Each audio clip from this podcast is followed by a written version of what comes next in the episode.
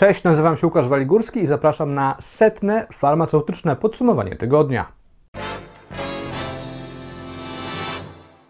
Cześć, dzięki, że oglądacie lub słuchacie farmaceutycznego podsumowania tygodnia. Tradycyjnie, jak co tydzień, przygotowałem dla Was zestawienie pięciu najciekawszych, najważniejszych tematów, o których farmaceuci dyskutowali w minionych siedmiu dniach.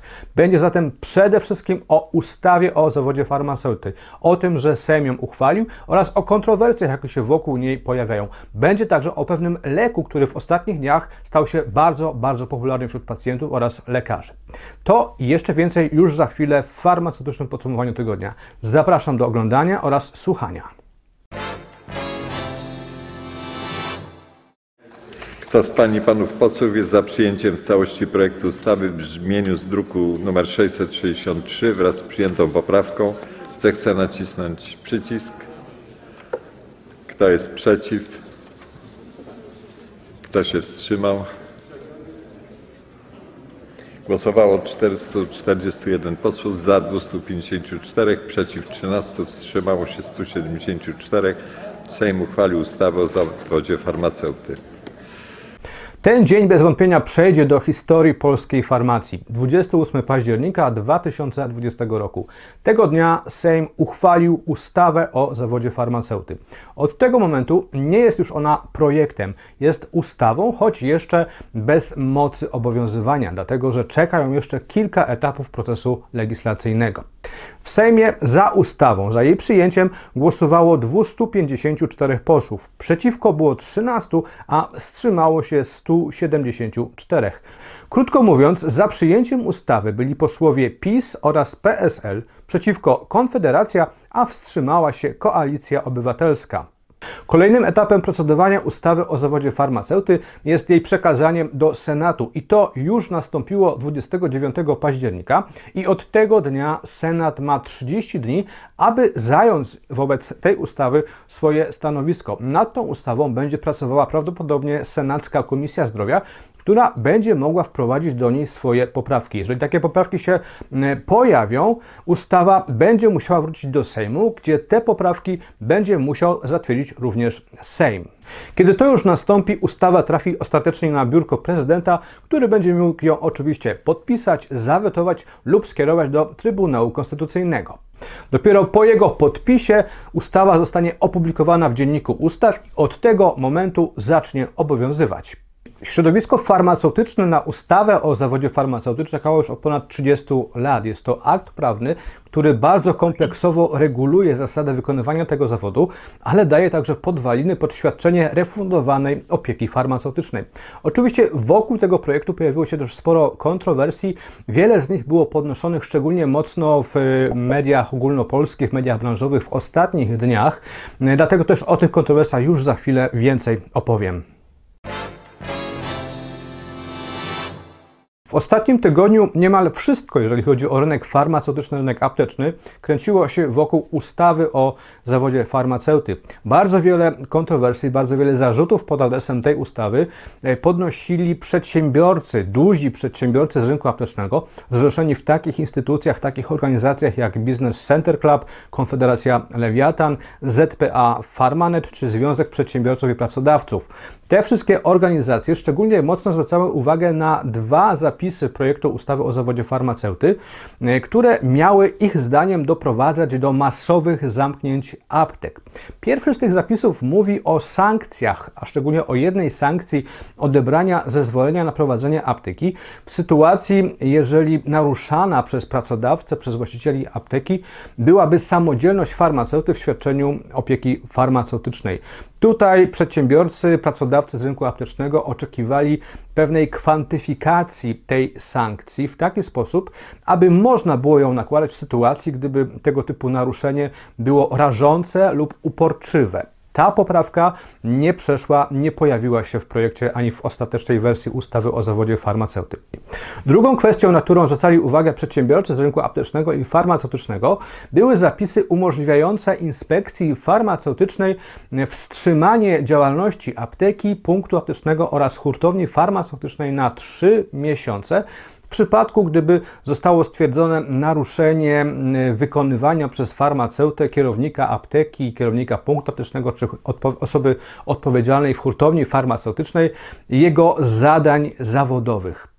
Organizacje zrzeszające zarówno pracodawców z rynku aptecznego, ale także firm farmaceutycznych oraz hurtowni farmaceutycznych wskazywały, że te przepisy y, mogą być stosowane uznaniowo i mogą być elementem nieuczciwej konkurencji, a przez to będą prowadzić do masowego zamykania aptek. Te przepisy, przeciwko którym protestowały organizacje z rynku aptecznego i pracodawcy z rynku aptecznego, popierały z kolei Ministerstwo Zdrowia, Naczelna Izba Aptekarska, ale także Główny Inspektorat Farmaceutyczny, którego przedstawiciel podczas Sejmowej Komisji Zdrowia wyjaśniał, że wszystkie te informacje, które są przedstawiane w mediach, które mają pokazać katastrofalny wpływ tych przepisów na rynek apteczny, nie są prawdziwe i są bardzo e, nadwyrost. A z tych uprawnień, które inspekcja farmaceutyczna nabędzie w wyniku tej nowelizacji prawa farmaceutycznego przy okazji ustawy o zawodzie farmaceuty będzie korzystać tylko w uzasadnionych przypadkach. Obecnie ustawa oczywiście trafiła do Senatu i jest wielka szansa, że w tym Senacie w ramach poprawek właśnie te postulaty, które przedstawiały organizacje i pracodawcy z rynku aptecznego zostaną wprowadzone. Te poprawki już na etapie Sejmu były proponowane przez Koalicję Obywatelską i ze względu na to, że nie zostały one przyjęte, właśnie dlatego cała Koalicja Obywatelska wstrzymała się od głosowania za ustawą o zawodzie farmaceuty, wskazując, że właśnie ta ustawa nie nie jest doskonała i te zmiany, które są postulowane przez przedsiębiorców rynku aptecznego, rynku farmaceutycznego są w niej po prostu y, potrzebne. No i zobaczymy, y, czy te zmiany zajdą w tej ustawie w Senacie i czy później po Senacie Sejm te zmiany również potwierdzi. W minionym tygodniu apteki odnotowały skokowy wzrost zainteresowania pewnym lekiem przeciwwirusowym, a chodzi tutaj o amantadynę, a szczególnie o preparat o nazwie Vireget K. Okazuje się, że w minioną środę 28 października portal Gdzie Polek odnotował taką liczbę zapytań o leki z tą substancją, e, która niemalże zbliżyła się do zainteresowania wszystkimi szczepionkami przeciwko e, grypie. A to oznacza po prostu bardzo, bardzo duże zainteresowanie. No i oczywiście zaczęły się pojawiać pytania, skąd tak wielkie, nagłe zainteresowanie tym lekiem.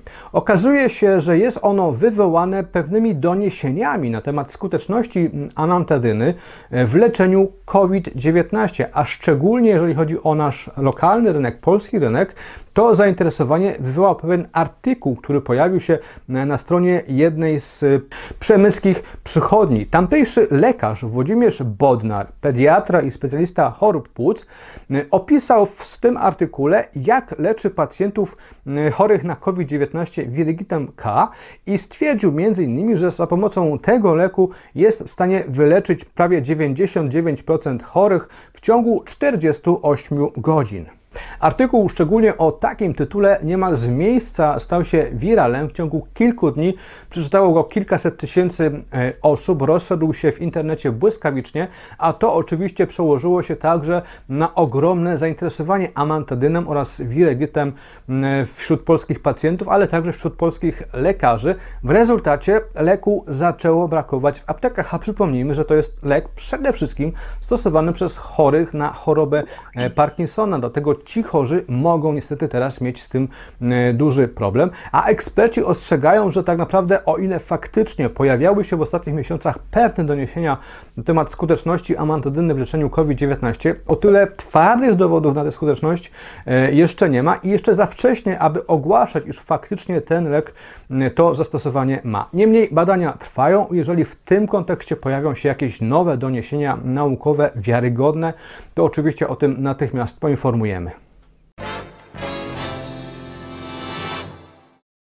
W minionym tygodniu Ministerstwo Zdrowia wystosowało pismo do Naczelnej Rady Lekarskiej, Naczelnej Rady Aptekarskiej oraz Naczelnej Rady Pielęgniarek i Położnych, w którym zwróciło uwagę, że z dniem 1 stycznia 2021 roku traci moc obecne rozporządzenie w sprawie recept. Z tego powodu istnieje e, pilna potrzeba rozpoczęcia prac nad nowym brzmieniem tego rozporządzenia i właśnie te trzy organizacje samorządowe otrzymały prośbę od Ministerstwa Zdrowia, a konkretnie od wiceministra Macieja Miłkowskiego, Polskiego, aby zgłaszać swoje uwagi do tego aktu prawnego, do rozporządzenia w sprawie recept, uwagi wskazujące na rozwiązania, problemy, e, które wymagają być może nowego podejścia i nowych e, zapisów, a dla wszystkich nas dookoła, lekarzy, pielęgniarek oraz farmaceutów, ta informacja oznacza nie mniej, nie więcej, że jeszcze do końca roku czeka nas proces legislacyjny nowego rozporządzenia w sprawie recept. A wynika to oczywiście z zapisów o realizacji w Polsce transgranicznych e-recept. Zgodnie z obowiązującą ustawą prawo farmaceutyczne,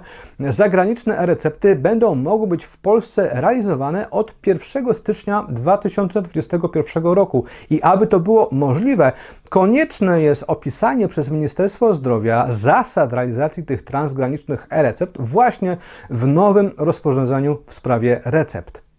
To pismo, które zostało wystosowane do trzech organizacji samorządowych e, zawodów medycznych, jest oczywiście elementem takich prekonsultacji. One, e, te uwagi, które zostaną zgłoszone, posłużą do stworzenia pierwszego projektu e, rozporządzenia w sprawie recept, które następnie w ciągu następnych kilku tygodni zostanie oddane do konsultacji publicznych. No a potem czeka już nas kolejny proces legislacyjny, w którym każdy będzie mógł zgłaszać swoje uwagi. No i nie trudno nie zauważyć, że jest to okazja do naprawienia wielu błędów, wielu problemów, które obecnie zarówno lekarze i pielęgniarki, jak i przede wszystkim farmaceuci mają w przypadku interpretowania konkretnych zapisów tego rozporządzenia przy realizacji recept. W tym odcinku farmaceutycznego podsumowania tygodnia oczywiście nie może zabraknąć jednego bardzo ważnego dla nas tematu. Otóż ten odcinek farmaceutycznego podsumowania tygodnia jest odcinkiem setnym. Już od ponad dwóch lat spotykamy się co tydzień, aby opowiadać lub słuchać o tym, co dzieje się na rynku aptecznym, rynku farmaceutycznym. No i z tej okazji zaplanowaliśmy kilka niespodzianek dla naszych widzów, naszych czytelników. Pierwszą z tych niespodzianek jest film, krótki film, który ukaże się już w sobotę, który między innymi pokaże kulisy powstawania programów. Tak więc dla osób zainteresowanych tym, jak wyglądają kulisy tego typu produkcji, można powiedzieć, to będzie na pewno niezła gratka. Drugą niespodzianką natomiast jest nowa szata graficzna farmaceutycznego podsumowania tygodnia, nowa formuła, która będzie obowiązywać już od przyszłego tygodnia, od odcinka 101. Bardzo liczymy, że ta nowa formuła jeszcze bardziej Wam przypadnie do gustu. No a dla nas jest to też duże wyzwanie, dlatego że oznacza pewien skok jakościowy, jeszcze większą profesjonalizację tego, co dla Was przygotowujemy. Tak więc bardzo jeszcze raz dziękuję Wam wszystkim za to, że przetrwaliście z nami te 100 odcinków farmaceutycznego podsumowania tygodnia. Głęboko wierzymy, że ten program, ten format jest dla Was przydatny, przyjazny i że wracacie do niego z chęcią co tydzień. No a my kontynuujemy swoją pracę, podładowani wielką dawką energii, którą nam dajecie także w komentarzach. No i zapraszamy oczywiście na kolejne farmaceutyczne podsumowania tygodnia. I to już wszystko w tym farmaceutycznym podsumowaniu tygodnia. Oczywiście tradycyjnie po więcej doniesień z rynku aptecznego zapraszam na portal mgr.farm. Tam codziennie w pocie czoła przygotowujemy dla Was mm, publikacje na temat najnowszych wydarzeń i tematów z rynku aptecznego, rynku farmaceutycznego, a dzieje się tego ostatnio całkiem sporo. Tradycyjnie też zapraszam do czytania oraz prenumeraty naszego magazynu dwumiesięcznika mgr.farm, który jest największym tego typu pismem w Polsce dla polskich farmaceutów. Za którego prenumeratę drukowaną można otrzymać nawet 12 punktów mm, edukacyjnych. Zapraszam na farmaceutyczne podsumowanie tygodnia już za tydzień, a przy okazji oczywiście zapraszam też do oglądania tego, jak powstaje farmaceutyczne podsumowanie od kulis w osobnym filmie, który już wkrótce pojawi się w naszych profilach społecznościowych. Zapraszam.